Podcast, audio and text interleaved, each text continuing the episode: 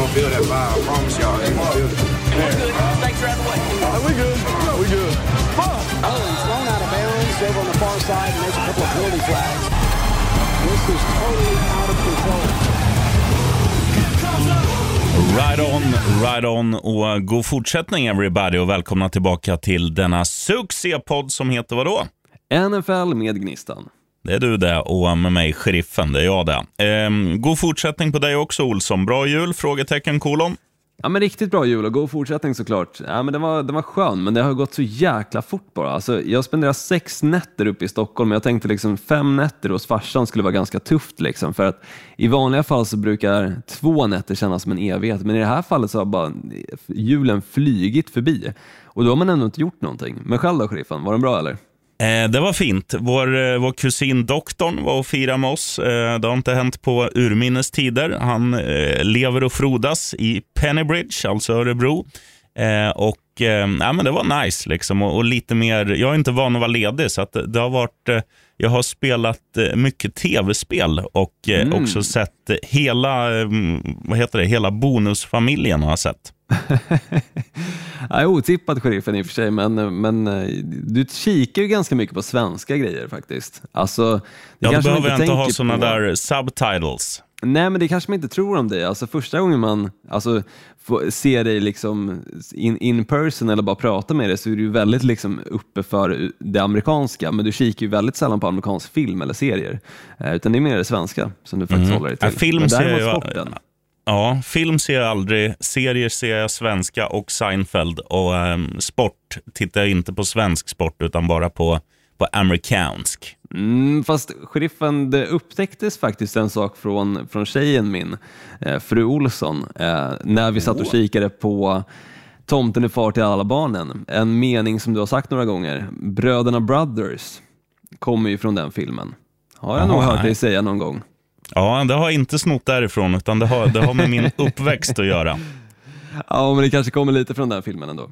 Det kan vara farsan som har snott från filmen och sen vidare, vidare, till, till mig och brorsan. Så kan det vara. Men du Olsson. bra film i och för sig. Ja, ja den är riktigt bra. Mm, ja. eh, nu, ska du få, nu ska du få höra följande. Jag har fyra stycken positiva surprises och jag har bara mm. en negativ. Och Du får välja i vilken ringhörna vi börjar. Ja, men alltså, I och med att du har fyra stycken positiva så börjar vi med dem, för jag är sjukt spänd på vad det negativa ska vara om det bara är en som du har plockat ut från den här helgen. Mm. Så börja med det positiva. Eh, vi börjar med mitt kära Miami has the Dolphins, the greatest football team. För så här är det, de, eh, deras försvar sista fem matcherna, den här statistikraden är sinnessjuk. I snitt då, på de fem senaste matcherna, 11 insläppta poäng per match. 280 tillåtna yards, det är både passspel och springspel, och en QB-rating på motståndar-QBn på 20,6. Och Då ska man säga vad, vad det normala är. Alltså när du är godkänd, då har du ungefär 66-67. Nu är, är de, nere på, de är nere på under 21. Eh, så att Dolphins försvar med Xavier Howard i spetsen, de är ju glödheta. Och eh, ja, de har vunnit sju raka nu. Ja men alltså det är ju kul, alltså, för Dolphins inledde liksom säsongen med en vinst och sen sju raka förluster. Och nu har de tagit sju raka vinster och det är det enda laget någonsin som har lyckats med sju raka förluster och sju raka vinster på en och samma säsong. Jag hoppas de fortsätter den här trenden, för det är kul att se det här med, Miami Dolphins-laget. Och de, de går verkligen som tåget just nu. Så mm. slutspelet är liksom verkligen där bakom hörnet, eller runt hörnet som man säger. Um, så jag hoppas de tar sig dit i år, för förra året så var det 10-6 som de landade på i år. Ser det definitivt ut som att det finns en chans att de kommer landa på snarlikt record. Mm.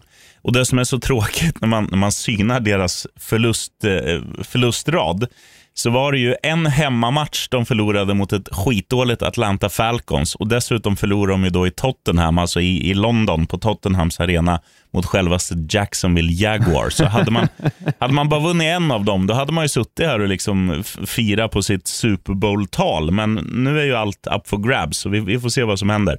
Eh, ja, nästa... men de, de ligger med där, så, mm. så det, är, det är kul att se. Är Nästa pryl som eh, fick mig att tappa alla mina tre hakor det var att det var så poängrikt och offensivt trots snö. Det var ju då säsongens första riktiga snömatch får man ändå säga, även om det har varit minusgrader och så i Green Bay. Men nu var det liksom snömatch i Alabama mellan Seahawks och Bears i Seattle. Eh, och Det stoppade inget av de här lagen från att lassa upp både yards, framförallt då att det brukar ju kunna bli rushing yards, men nu var det liksom ganska mycket passing yards också och även poäng på tavlan, något som inte hör snömatcher till. Eh, Bears drog överraskande får man väl säga. Det längsta strået vann med 25-24. Grattis, ride on och Mm, köp mjällschampo Gud så vi slipper snö. ja, men det är kul, kul med de här snömatcherna är det faktiskt, även om det ser ganska kast ut liksom när man sitter och kikar på tvn.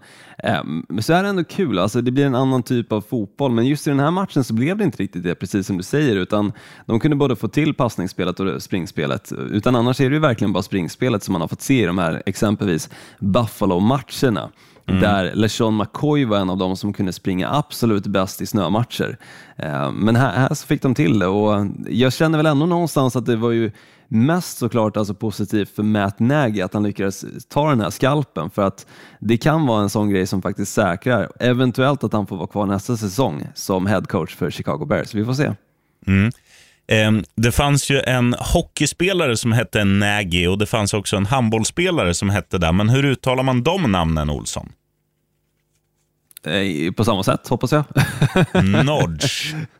ja, vadå med exakt samma stavning? Jag vet inte exakt hur han stavar, men N-A-G-Y. Ja, exakt. Nagy uttalar man eh, just Matt Nagy, headcoachen i Chicago Bears. Mm. Jag tror att han, eh, handbollsspelaren var från Slovenien, vänsterhänt. Laszlo Nodge tror han hette. Och hockeyspelaren spelar Kings. Jag minns inte förnamnet på honom. Ladislav tror jag. Men skit i det. Nu skuttar vi till lite QBs. Och först har jag en, en klump som heter Joe Burrow och Dak Prescott, deras respektive uppvisning. Joe Burrow alla vet ju säkert det här redan, men han passade för 525 yards. Det är den fjärde bästa noteringen sedan 1950. Det är väldigt många år det, Olsson. Det är 70 år, för dig som, eller 71 för dig som inte eh, har, kan matte.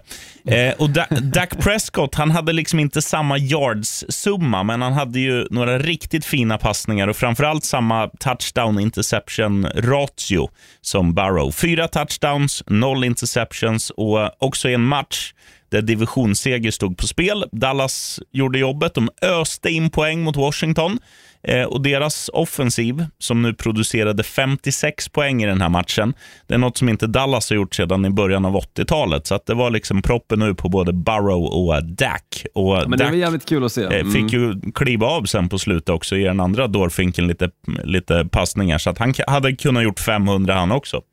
Ja, och där behöll de ju Joe Burrow just för att komma över 500-strecket i den matchen och såg till så att han fick en riktigt bra passning i slutet också för att just ta sig över. Eh, mm. Sen måste jag bara säga, sheriffen, och rätta det där lite. Dallas Cowboys var ju redan divisionssegrar innan de väl startade den här matchen, vilket var kul att de ändå i en sån match där de redan hade liksom segern i förskott. De behövde egentligen inte vinna den, men visst, alltså first round by finns ju fortfarande i horisonten för deras del, om, om allting kan falla på plats för deras del. Eh, men de hade ändå säkrat divisionssegern i och med att Raiders då vann mot Denver Broncos, ett lag som då Denver Broncos vann tidigare i säsongen mot Dallas Cowboys. Så på grund av strength of schedule så lyckades Dallas Cowboys knipa segern utan att ens kliva på planen. Så det var kul att de ändå lassade upp 54 poäng på tavlan då. Ja, men om man, ja, i och för sig, om man, om man räknar så. Men när de gick in i, i söndagen, när de liksom gjorde upp eh, sin gameplan, så, så var ju, då gick de ja, ju för att vinna spikat. divisionen. Mm, såklart. Så, att, såklart. så att det är ju det, ja, det är de som är förberedda på att göra jobbet. Men nu skiter ja. vi i det. Nu går vi till den sista positiva prylen. Josh Allen. Alltså, han var ju dominant. Vi lärde känna honom som en dominant som kunde göra allt. och Det var ju liksom för två år sedan och i, och i fjol. Men i år har ju han överglänsts, eh, får man säga, vecka ut och vecka in av Mac Jones. Och nu snackar vi då AFC East. Vi snackar de två topplagen, vi snackar Buffalo Bills, vi snackar New England Patriots. Nu möttes de på Gillette Stadium. En hemmaseger för New England där och stor sannolikhet att, att liksom hela Bills säsong hade blivit grusad. Men då klev han fram, Josh Allen, och han överglänste Mac Jones. Eh, 14 passing yards tror jag han hade. Eh, tre touchdowns, inga interceptions och 64 rushing yards. Och inte bara så här statistikraden i sig, utan när det var liksom tredje och åtta, ja, då sprang Allen med bollen. Han fixade biffen. Och han ledde verkligen Bills till en seger här. En sinnessjukt viktig sådan och säsongen lever och Bills visade att de kan slå alla lag. Eh, något man har liksom vetat om, men man har inte sett skymten av det senaste säsongen, eller ja, den här säsongen. Nej, utan alltså, de har ju alltså vunnit några riktigt skitmatcher alltså mot dåliga lag och också förlorat mot riktigt dåliga lag. Eh, så det har ju varit ett Buffalo Bills som man inte riktigt kunnat räkna antingen med eller mot, eh, utan de har varit ganska svårbettade på. Så, så just att vinna på Gillette Stadium mot New England Patriots är ju enormt, framförallt när det är så pass nära slutspelet som det är. Och nu klev de ju förbi New England Patriots också i divisionen och har ju chansen den här veckan att till och med säkra divisionssegern. Så eh, det är kul för Buffalo att de ändå, fastän det har gått ganska knackigt i säsongen, lyckas eh, stå där på toppen. Än så länge mm. åtminstone. Och Diggs, även om han hade någon liten lättare drop så var han ju så gjorde han också en jävligt fin match. Och vad heter han andra? Eh, du, du, du, du, han som har långt efternamn. Emmanuel Sanders. Nej. Nej, han har inte Han var också bra, men äh, skitsamma. Ni vet, ni vet vem jag syftar på, men jag kommer Gabriel inte på det. Davis hade ju en extremt bra match. I, Nej, inte han heller. Patriots. Nej, okay. Mackenzie tror jag han heter. Mm, så kan det vara. Var chef. Men eh, nu tar vi den negativa Olsson. Mm, låt höra. Nu är jag spänd på vad det här kan vara. Ja, om jag säger så här. De hade hugg på slutspel och mötte det mest avsågade av avsågade lag. Eh, vi snackar då San Diego Chargers, som numera heter Los Angeles Chargers. De åkte till Houston, hade då Houston Texans på menyn. De ska bara vinna.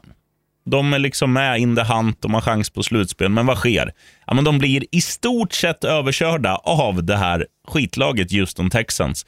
Eh, och De i sin tur bjöd ju hemmapubliken på säsongens överlägset bästa insats. Det var liksom klang och jubel ifrån eh, Ja, framförallt gamla New England eh, Patriots-spelaren Rex Burkhead var ju glödhet, men också han, den där Mills som påminner mer om en fågelskrämma än, eh, än nästan Mike Glennon himself.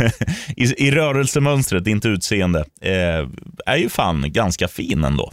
Ja, men alltså, jag gillar det här Houston Texans-laget, att de alltså, rasslar till mot ändå bra lag. Mm. Alltså, vi pratade Tennessee Titans tidigare under säsongen och nu Los Angeles Chargers. Så det var liksom en sån där match när, när jag såg hur eh, själva handikapplinan låg liksom på, jag tror det var 9,5 eller om det till och med var 10,5, så kände jag liksom så här, jag vet inte fan om jag vågar betta på Chargers att de ska fixa den här linan. För att Chargers är ett sånt lag som kan vara ganska jojo och det har vi liksom sett de senaste åren. att Bettar du på dem, ja, förlorar du och bettar du emot dem så förlorar du också. Eh, och det var just en sån match det kändes som att fan, Texans kan ändå reda, reda ut det liksom, lika gärna som att de kan bli totalt överkörda. Så all heder till dem, alltså att de ändå, trots att de inte egentligen har någonting annat att spela för än sina jobb såklart, som du alltid nämner, sheriffen, mm. eh, så, så lyckas de ändå liksom fixa en tillräckligt bra gameplan och hålla sig fast vid den också.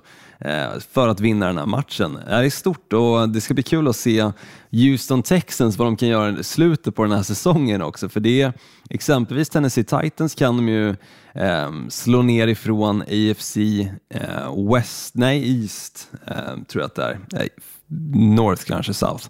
Sak samma, eh, någon av divisionerna där, nu har jag nämnt allihopa bara för att helgardera där, eh, men någon av divisionerna med Colts och Titans i spetsen, där samma som de själv spelar i förvisso, eh, där kan de ju eh, verkligen liksom se så att Titans kanske inte ens vinner den utan istället så blir det Colts. Ehm, så det är kul att se det här eh, Houston Texans-laget, vad de kan göra nu i slutet. Den här veckan och då nästa vecka, det vill säga. Mm, pumpa på. Du Olsson, nu lämnar vi över till dig. Vad har hänt sen sist? Mm, vi kan väl börja med att säga att James Robinson, running backen i Jaguars, slet hälsenan i helgens match mot Jets. Något som fick både dig och mig att eh, känna en liten extra sorg med tanke på att han saknades ju våran kupong för att eh, göra då en touchdown för att se till att den skulle kliva in på kontot. 5000 skulle jag fått om han gjorde en touchdown. Eh, men istället så slet han hälsenan och det gick inte att betta på kan jag säga. Eh, bättre lycka denna helg helt enkelt. Och sen är det så att Giants planerar att ta tillbaka både sin headcoach Joe Judge och sin quarterback Daniel Jones nästa år. Så är du ett Giants-fan och hejar på både Joe Judge och Daniel Jones så ska du skatta dig lycklig. De återvänder mest troligen alltså, men håller du inte på någon av dem, då kan det bli tufft en, en tid framöver, tyvärr. Eh, men det är lite det som har varit nyheten. Jag ska droppa lite snabbt mina överreaktioner också. Sen tycker jag att vi ska kika lite bara på hur slutspelsbilden ser ut just nu, alltså när vi ändå har bara två veckor kvar eh, att spela. Vecka 17 nu som brukar vara den sista veckan för säsongen, eh, men som du vet så är det 18 veckor istället den här säsongen, så 17 matcher som varje lag spelar. Så två veckor kvar. Men lite överreaktioner då så säger jag att Baltimore Ravens kommer att missa slutspelet efter att ha varit första sidade bara för några veckor sedan. Kommentarer på det, sheriffen? Eh, enig. Och det, det beror ju mycket på att, alltså, jag tyckte du hade en ganska bra take på det när vi skrev lite med varandra under söndagen. Du sa att fan, Baltimore ser nästan bättre ut när de inte har Lamar Jackson i år och det håller jag helt med om. Men eh, de har liksom tappat sitt fundament som är det här Alltså det är inte ett spektakulärt lag, men det är ett väldigt svårspelat lag. Och Sen hade de ju då den spektakulära X-faktorn i Lamar Jackson, men det känns som att alla har liksom blivit sämre. Både offensiven, defensiven och individen. Så att jag är helt med på den. Jag tycker mm. att de har rasat. Ja, skönt det och eh, intressant. Visst, det kan ju fortfarande bli liksom en wildcard-plats om allting faller på plats, men nej, det känns som att det, det, är förmodligen så vi kommer att summera säsongen sen också. Sen säger jag också faktiskt i samma division att Pittsburgh Steelers kommer att gå långt, om inte hela vägen nästa år, om Aha. de hittar en vettig quarterback. Ja, det, väl, För alltså... det här är ett ganska stackat lag tycker jag. Alltså, de har bra wide receivers i exempelvis Chase Claypool, eh, Deontay Johnson som visst hade några drops i den här matchen men sen fick han till en touchdown alltså mot Kansas City Chiefs.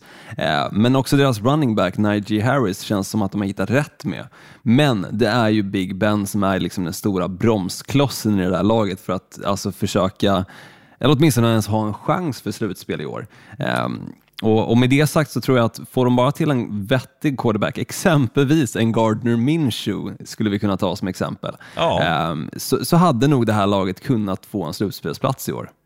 Eh, svar ja med Gardner Minshew, absolut. Svar nej och, och drafta en, för att de kommer ju inte drafta bland alltså, de övre lagen. Eh, och Sen är det ju så här också att det gäller ju att ta Alltså det gäller att hitta någon sån här guldklimp som faktiskt är bra. Det, det går inte att, att, ta någon så här att, ja men, vi, vi tar Mike Glennon nu som vi har nämnt redan som ett exempel. Ja, men så här, ja, men han har varit med i ligan jättemycket. Han har spelat i många lag. Han känner ja, men det funkar det. inte. Det funkar Nej, inte. Mm. det är piss. Du måste, hitta en, du måste hitta en härförare, en som älskar läget. Och Gardner Minshew är absolut en sån. Ehm, och tittar man liksom på övriga lag, vilka finns det som har alltså, ja, Fitzmagic är ju skadad, men nej, han är för gammal och han är för jag skadad. Jag tycker dock ett en quarterback som, som vi helt nästan har glömt bort i och med att han gick från att vara starter förra året till att bli backup quarterback i år är Mitchell Trubisky. Jag tror att en Mitchell Trubisky i ett lag coachat av Mike Tomlin, alltså Pittsburgh Steelers, hade kunnat haft framgångar. Eh, han behöver bara eliminera, mi, alltså, mi, han behöver göra mindre misstag än Big Ben för att alltså, ha framgång och det tror jag att han kan göra. Ehm, och också passa bollen betydligt mycket bättre. Så Mitchell Trubisky skulle kunna göra comeback som, som en starter i exempelvis då Pittsburgh Steelers. Ja, absolut inte, helt, inte en helt dum tanke. Men jag tänker så här också, kanske att få, kanske skaka liv i någon sån här ja, men som, som känns lite fast i sitt lag, alltså typ Matt Ryan i Atlanta Falcons. Det känns som att han ändå är ganska bra i grunden. Han visade när de gick till Super Bowl för ett par år sedan att han, då var han ju skitbra. Men eh, han skulle behöva ett miljöombyte och kanske lite mer så här ett ramstarkt Pittsburgh eh, skulle kunna vara något för en sån. Och, liksom, och Jag tror inte du behöver ge upp jättemycket för att trada dit en 37-38-åring. Eh, så att kanske ett byte rakt av. Big Ben med sin jävla ja, var jag nära att säga något dumt, till Atlanta. Och Matt Ryan motsatt väg och sen kanske släng med ett så här femte val eller något i början, eller i, i det bytet så att, så att Atlanta känner att de får någonting för att ta den där jävla ja, bajamajan eh, Nej, till Georgia. Jag gillar det. Jag gillar det. Jimmy Garoppolo skulle också kunna vara en sån i och med att eh, 49ers ändå draftade sin framtid i Trey Lance. Så um, det finns Mm. några quarterbacks som de ändå kan liksom plocka upp för att då förmodligen nästa år kunna ha en väldigt mycket bättre framgång än i år åtminstone. Eh, så det blir spännande att se faktiskt hur off-season kommer se ut med det ett tag fram tills dess. Eh, sen säger jag också, liksom, när vi ändå pratar om Miami Dolphins, att Miami Dolphins förtjänar verkligen en slutspelsplats bara för att de har vänt sin säsong. Alltså, som jag nämnde tidigare, första laget med sju raka förluster och sju raka vinster på samma säsong. De förtjänar en slutspelsplats alltså. Vad tror du jag säger här? Tror du att jag säger oenig? Absolut, det här är någonting som du inte håller med om. Ja, I alla skitlag. Ja, ja verkligen. Men ska vi kika lite på hur slutspelet ser ut då, sheriffen? För det är Yes. ju några lag som nu har clinchat en slutspelsplats och då pratar vi exempelvis i NFC som eh, har då clinchat fyra platser av de sju möjliga som finns. Kikar man då AFC så är det faktiskt bara ett lag som är än så länge spikat för att få spela slutspel eh, och det är Kansas City Chiefs. Men, men än så länge så är det alltså Green Bay, Dallas, eh, Tampa Bay Buccaneers och Los Angeles Rams som har spikat en slutspelsplats. Förlåt, jag ska rätta mig där också och säga att Arizona Cardinals, fast de förlorade i helgen, lyckades också spika en slutspelsplats. Så endast två platser kvar i NFC, men det finns alltså sex stycken kvar i AFC att lyckas knipa. Ehm, så kikar vi först NFC som kanske är minst eh, intressant just med tanke på att det är faktiskt bara två platser kvar. Eh, det som kan hända i helgen är att Green Bay kan clincha first round bye om de lyckas vinna sin match mot Minnesota Vikings plus att Dallas Cowboys förlorar då mot Cardinals. Eh, Och sen Los Angeles Rams kan också clincha sin division, alltså NFC West, eh, ifall de vinner plus att Arizona Cardinals förlorar. Eh, Och sen också Philadelphia Eagles kan bli sjätte laget in i slutspelet om de vinner, Minnesota Vikings förlorar och New Orleans Saints förlorar, alternativt San Francisco 49ers. Lite det som kan hända i just NFC. Kikar man då AFC som sagt, där är det lite mer vidöppet, men ett lag som jag ändå vill lyfta fram här lite är Cincinnati Bengals som någonstans i mitten på säsongen kändes lite uträknade. Det kändes som att de hade tappat sitt sting. Men nu denna vecka, med endast en seger emot själva Kansas City Chiefs, så kan de vinna sin division, alltså AFC North. Men Kansas City Chiefs kan också med en seger och en Tennessee Titans förlust förlo eller eh, säkra menar jag en first round bye eh, och alltså då hemmaplansfördel i slutspelet. Sen också Tennessee Titans, ifall de vinner så clinchar de AFC South. Så det är lite det som kan ske just denna vecka och hålla koll på alltså. Åh, åh, åh. Men jag gillar det här, när saker och ting börjar falla på plats och, och man börjar se formen av hur det här slutspelet kommer att se ut. Vem som, vem som kommer spela var, vem som möter vem. Nej, underbart. Jag gillar det.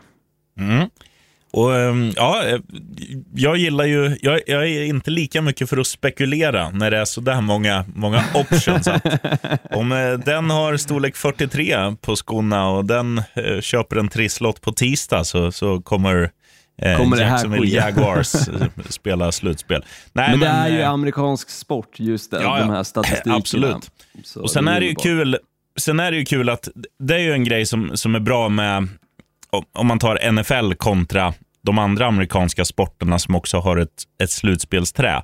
Att här spelar du faktiskt, som du säger, en, om en first round buy. Att man spelar om en, en vecka där man kan ladda extra, man kan slicka sår en vecka extra, man kan scouta motståndare en vecka extra eh, och, och sådana där prylar. Så att det, det, det är någonting som, som är bra med NFL, att det finns ju alltid att spela för. Det är inte så här att Ja, fan, vi slänger in uh, svärmödrarna till alla spelare.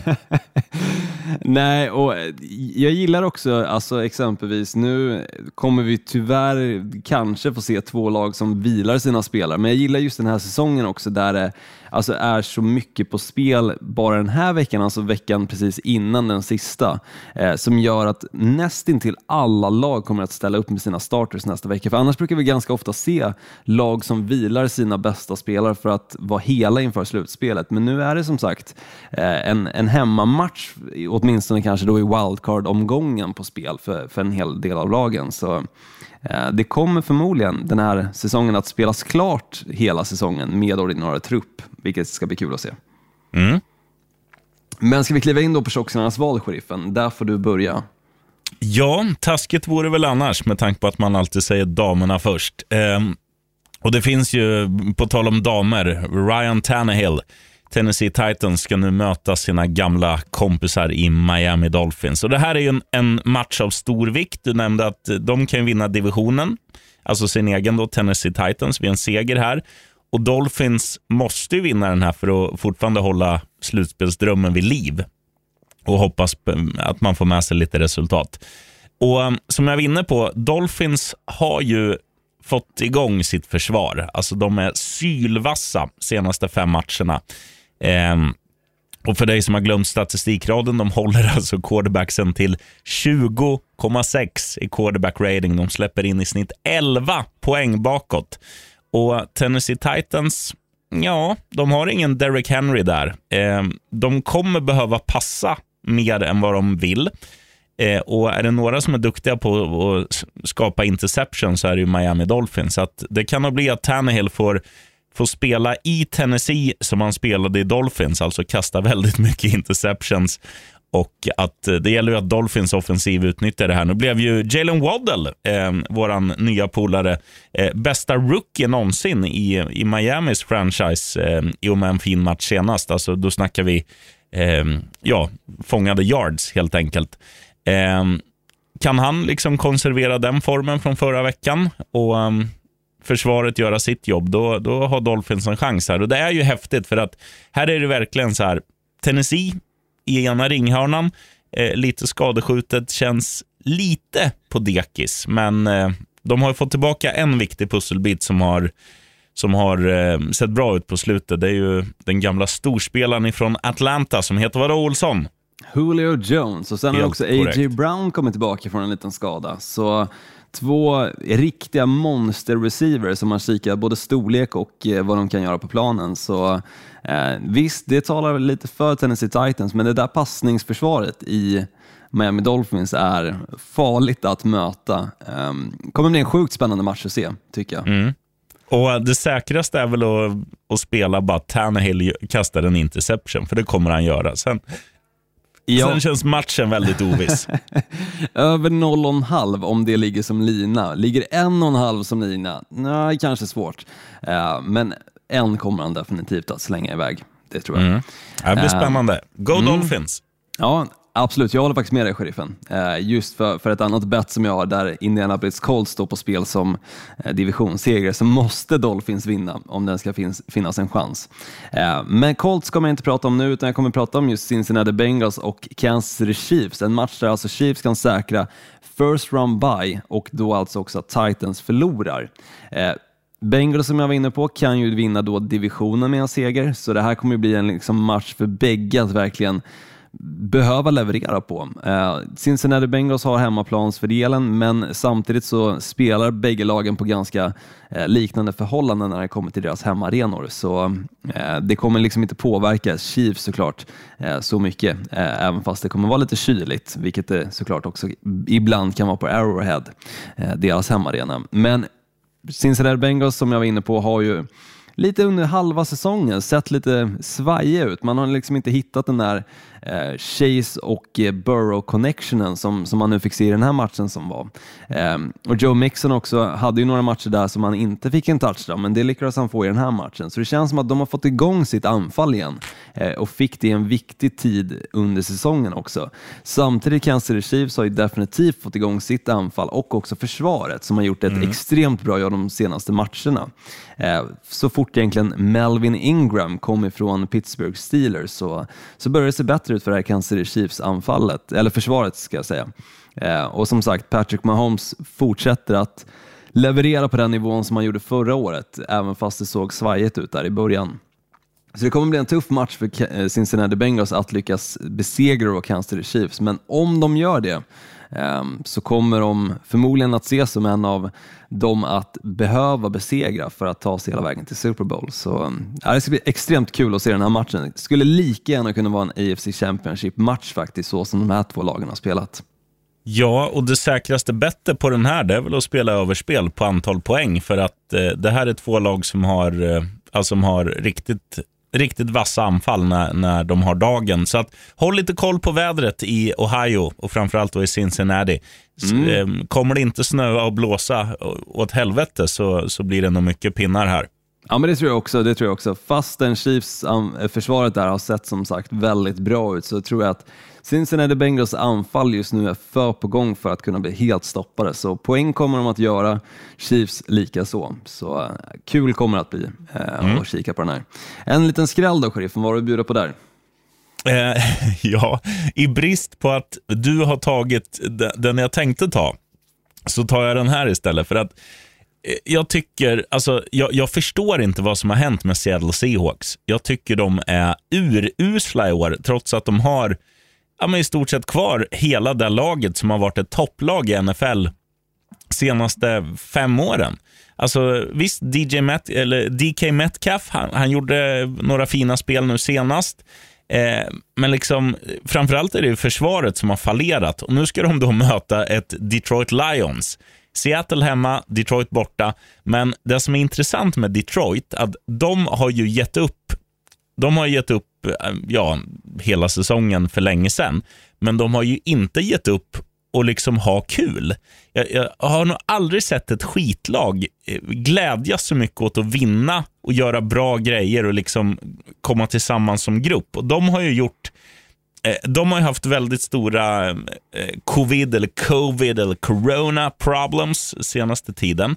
Eh, de här spelarna kommer vara tillbaka och det som är positivt är att det är många nya ansikten som har fått testa på större roller i Detroit. Så att det kommer nog att laboreras en hel del med både wide receivers och running backs. Och, eh, ja, man kanske inte laborerar så mycket med försvaret, där är det viktigt att liksom komma ihop som enhet. Men som individualister offensivt. och också deras playcalling, att det har varit så här att ja, ah, fan, nu skulle vi gå för det på 4 och 1 var det ju senast. Nej, vi får en, en flagga så det blir 4 och 6. Ja, men vi kör en fake punt och vi lyckas och så här.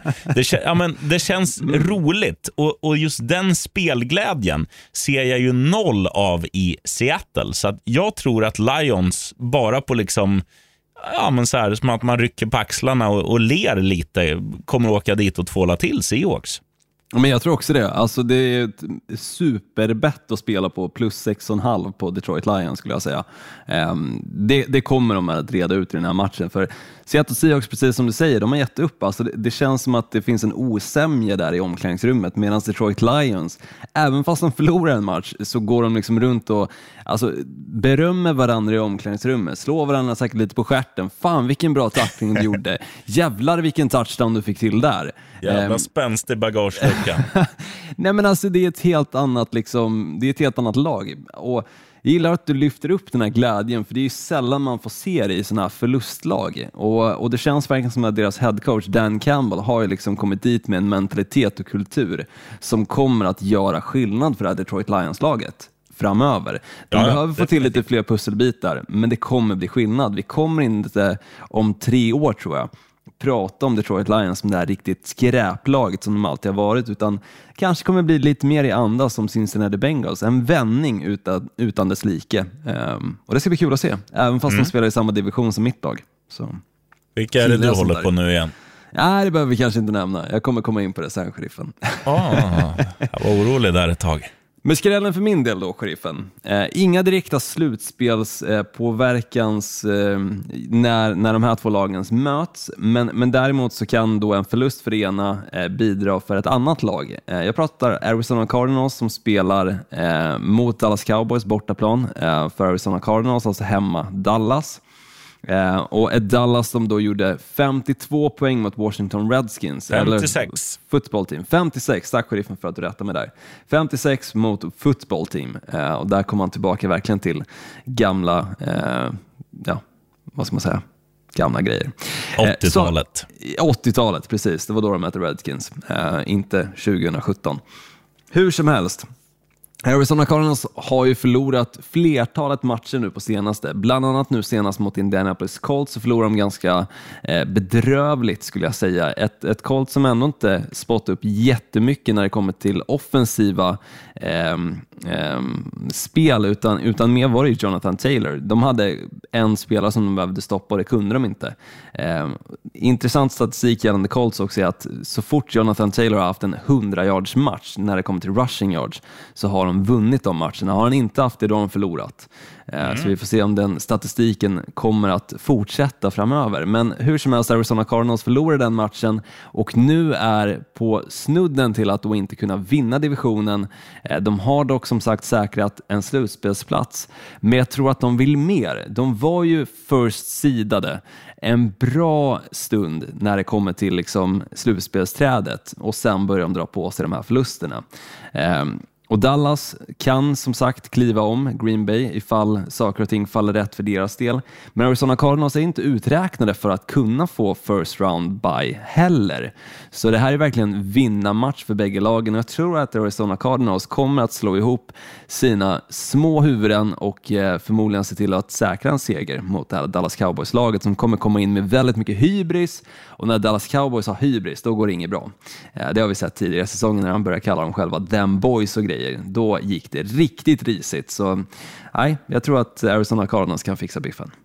Mm. Ja, jag var inne på den också innan, innan, eh, innan du berättade att du hade den. Så att, eh, helt enig. Och jag, jag mm. tror framförallt att eh, jag tror så här att Dallas är rätt nöjda med alltså ha lite, lite vind i seglen, lite fans i ryggen. Att, att det blåser positiva tongångar där för första gången på mycket länge. Och de har liksom ja, de har vunnit sin division, de kommer spela slutspel. Eh, de kommer få uppleva eh, Alltså den här säsongen är, är, positiv oavsett hur det går i den här matchen. Och jag tror att Arizona Cardinals, som du säger, de har liksom hela tiden haft eh, ja, men de har hela tiden varit bäst i ligan, men nu har det liksom börjat grina dem i ansiktet och nu, nu får de fan ta sig i kragen och lösa det här och det tror jag att de de eh, fixar.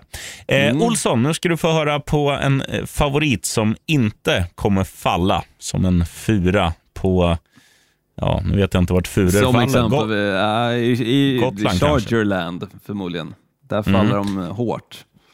Men i, Indianapolis Colts är ju för bra för att förlora mot Las Vegas Raiders. Alltså, eh, likt Miami Dolphins har ju Colts gjort den här eh, helomvändningen. Från att vara ett riktigt jävla skräplag till att vara en, en maskin. Och eh, ja, Du nämnde honom, Jonathan Taylor. Han är hur bra som helst. Men eh, när inte han... Alltså, Visst, han gör ju allt, men det är inte bara han som finns i det där laget, utan de, är ju, de har ju bra wide receiver core, de har ett bra försvar och de har en okej okay quarterback som, som nu när han spelar enkelt faktiskt funkar ganska bra. Så att det ska inte vara något problem att besegra ett eh, Las Vegas Raiders hemma i Indy. Så det där löser de. Ja, men jag är helt enig. Alltså det här Las Vegas Raiders-laget var eh, på snudden då till, alltså även fast man, om man kikar poängen där i, i Denver-matchen, på snudden då till att kunna förlora den matchen. Eh, för Drew Lock fick ändå till eh, anfallet lite där på slutet, Javante Williams, deras running back, började komma igång lite. Eh, och, och jämför man Denver Broncos med Indianapolis Colts så, så är det liksom som att jämföra, alltså, eh, framförallt med Drew Lock i spetsen, liksom, vill du ha en rutten citron eller vill du ha faktiskt en färsk liksom, i, i din rom och cola? Det är klart man tar en färska. Liksom. Det, det är ju färska ben och, och ett fint jävla lag, Indianapolis Colts, så, så är, jag tror också att de fixar biffen. Dålig jämförelse kanske, kommer jag på. Skitsamma, jag går in på mina lätta stålar istället för att gagga om eh, rom och cola. Eh, Green Bay Packers säger jag eh, här och nu, vinner mot Minnesota Vikings. Och därmed kommer, i och med att Arizona Cardinals då vinner mot Dallas Cowboys, att säkra Eh, first run by för andra raka året och det kommer vara så skönt att få se slutspelsmatcher på Lambeau Field. Förhoppningsvis slutar det bättre än förra året, men vi får se. Eh, men jag tror åtminstone att de fixar det mot Minnesota Vikings för att om det är någonting med Kirk Cousins, quarterbacken i Minnesota Vikings, så är det att han inte spelar bra under primetime-matcher. Och det här är en primetime-match, den spelas nattetid, alltså natten till tisdag. Eh, till måndag, jag ska rätta mig där och säga eh, rätt från början. Eh, och De matcherna spelar han som sagt inte jättebra i. Eh, och Det här är dessutom som sagt hemmaplan för Green Bay, så det kommer vara kallt, det kommer vara jävligt, det kommer förmodligen blåsa, eventuellt snöa. Eh, och, och Det är sådana väderförhållanden som även fast Minnesota Vikings spelar i Minnesota, som är en kall eh, stad, så spelar de i en inomhusarena, så det är inte alls förhållanden som Minnesota är helt vana vid i de aspekterna. Så, så jag tror Green Bay fixar det ganska enkelt. Och Minnesota lyckades få första segern där eh, den här säsongen. Green Bay fixar andra. Nu ska du få en utslagsfråga här som du aldrig kommer svara rätt på. Men eh, jag vill ändå testa dig. När du Ja, nämner. Kirk Cousin så tänker jag Kurre Kusin. Och då undrar Mm. jag, vilken låt eh, som var stor för kanske 10-15 år sedan eh, skulle det passa väldigt bra att klippa in Kurre Kusin i refrängen? 10-15 år sedan. Mm. Ja du, sheriffen. Jag vet du inte, först- av någon, ska du av ha någon första anledning. textraden? Ja, Ja, du jättegärna. Av någon anledning så fick jag upp den här gamla Zlatan-låten. Nej, det var fel. Eh, ja, det var fel. Tack som fan, Kapunka, Kopanjan, Kolak, Fuck it Pucket, Ping Pong Show, Kalla folket för, ja, då får man inte säga en podd. Trekant i Grekland, Leka stekan, Bakfull redan fredag. Mallis Kanarieholmarna, Mickey D's Barn i bollhavet. Eh, sen kan jag den inte mer. Ja, den här passar bra. Kurre Kusin. Absolut. Han har Men faktiskt känner du, eh, känner, känner du till vilken låt det är? ingen aning, sheriffen. Det där... Svennebanan, svennebanan, svennebanan, svennebanan, helt, svennebanan, helt svennebanan, bortom, eh, min svennebanan. musiksmak. Så då blir det liksom kurkusin, kurkusin, kurkusin, kurkusin. Ja, du fattar. Med. Ehm, promo, eller promo tror jag han hette, han som gjorde den där. Så kan man googla om man kommer hem. Ehm, Mm. En, en 3 plus-låt. Eh, om man är uppvuxen, som jag, på stenåldern. Ja. Eh, om du inte är det förmodligen minus två låt. Japp. Japp. Trippel, sheriffen. Vad har du att bjuda på där? Nej, men vi kör väl där vi har gått igenom idag. Jag tror Mm. att det blir poängrikt mellan Bengals och Chiefs. Jag tror att Colts vinner mot eh, Raiders och då kan man ju spela både på att Jonathan Taylor gör en touchdown och att han har 100 yards, för då vinner ju då eh, Colts. Exakt. Ehm, och då får man upp oddsen lite också. Och så tror jag att Ryan Tannehill kastar en interception mot sitt gamla Miami Dolphins. Mm, kul att du kör lite spelarbets där också, det, det gillar man alltid att höra. Eh, jag kör lite mer rakt på sak och säger att Dolphins fortsätter sitt vinsttåg och besegrar Titans.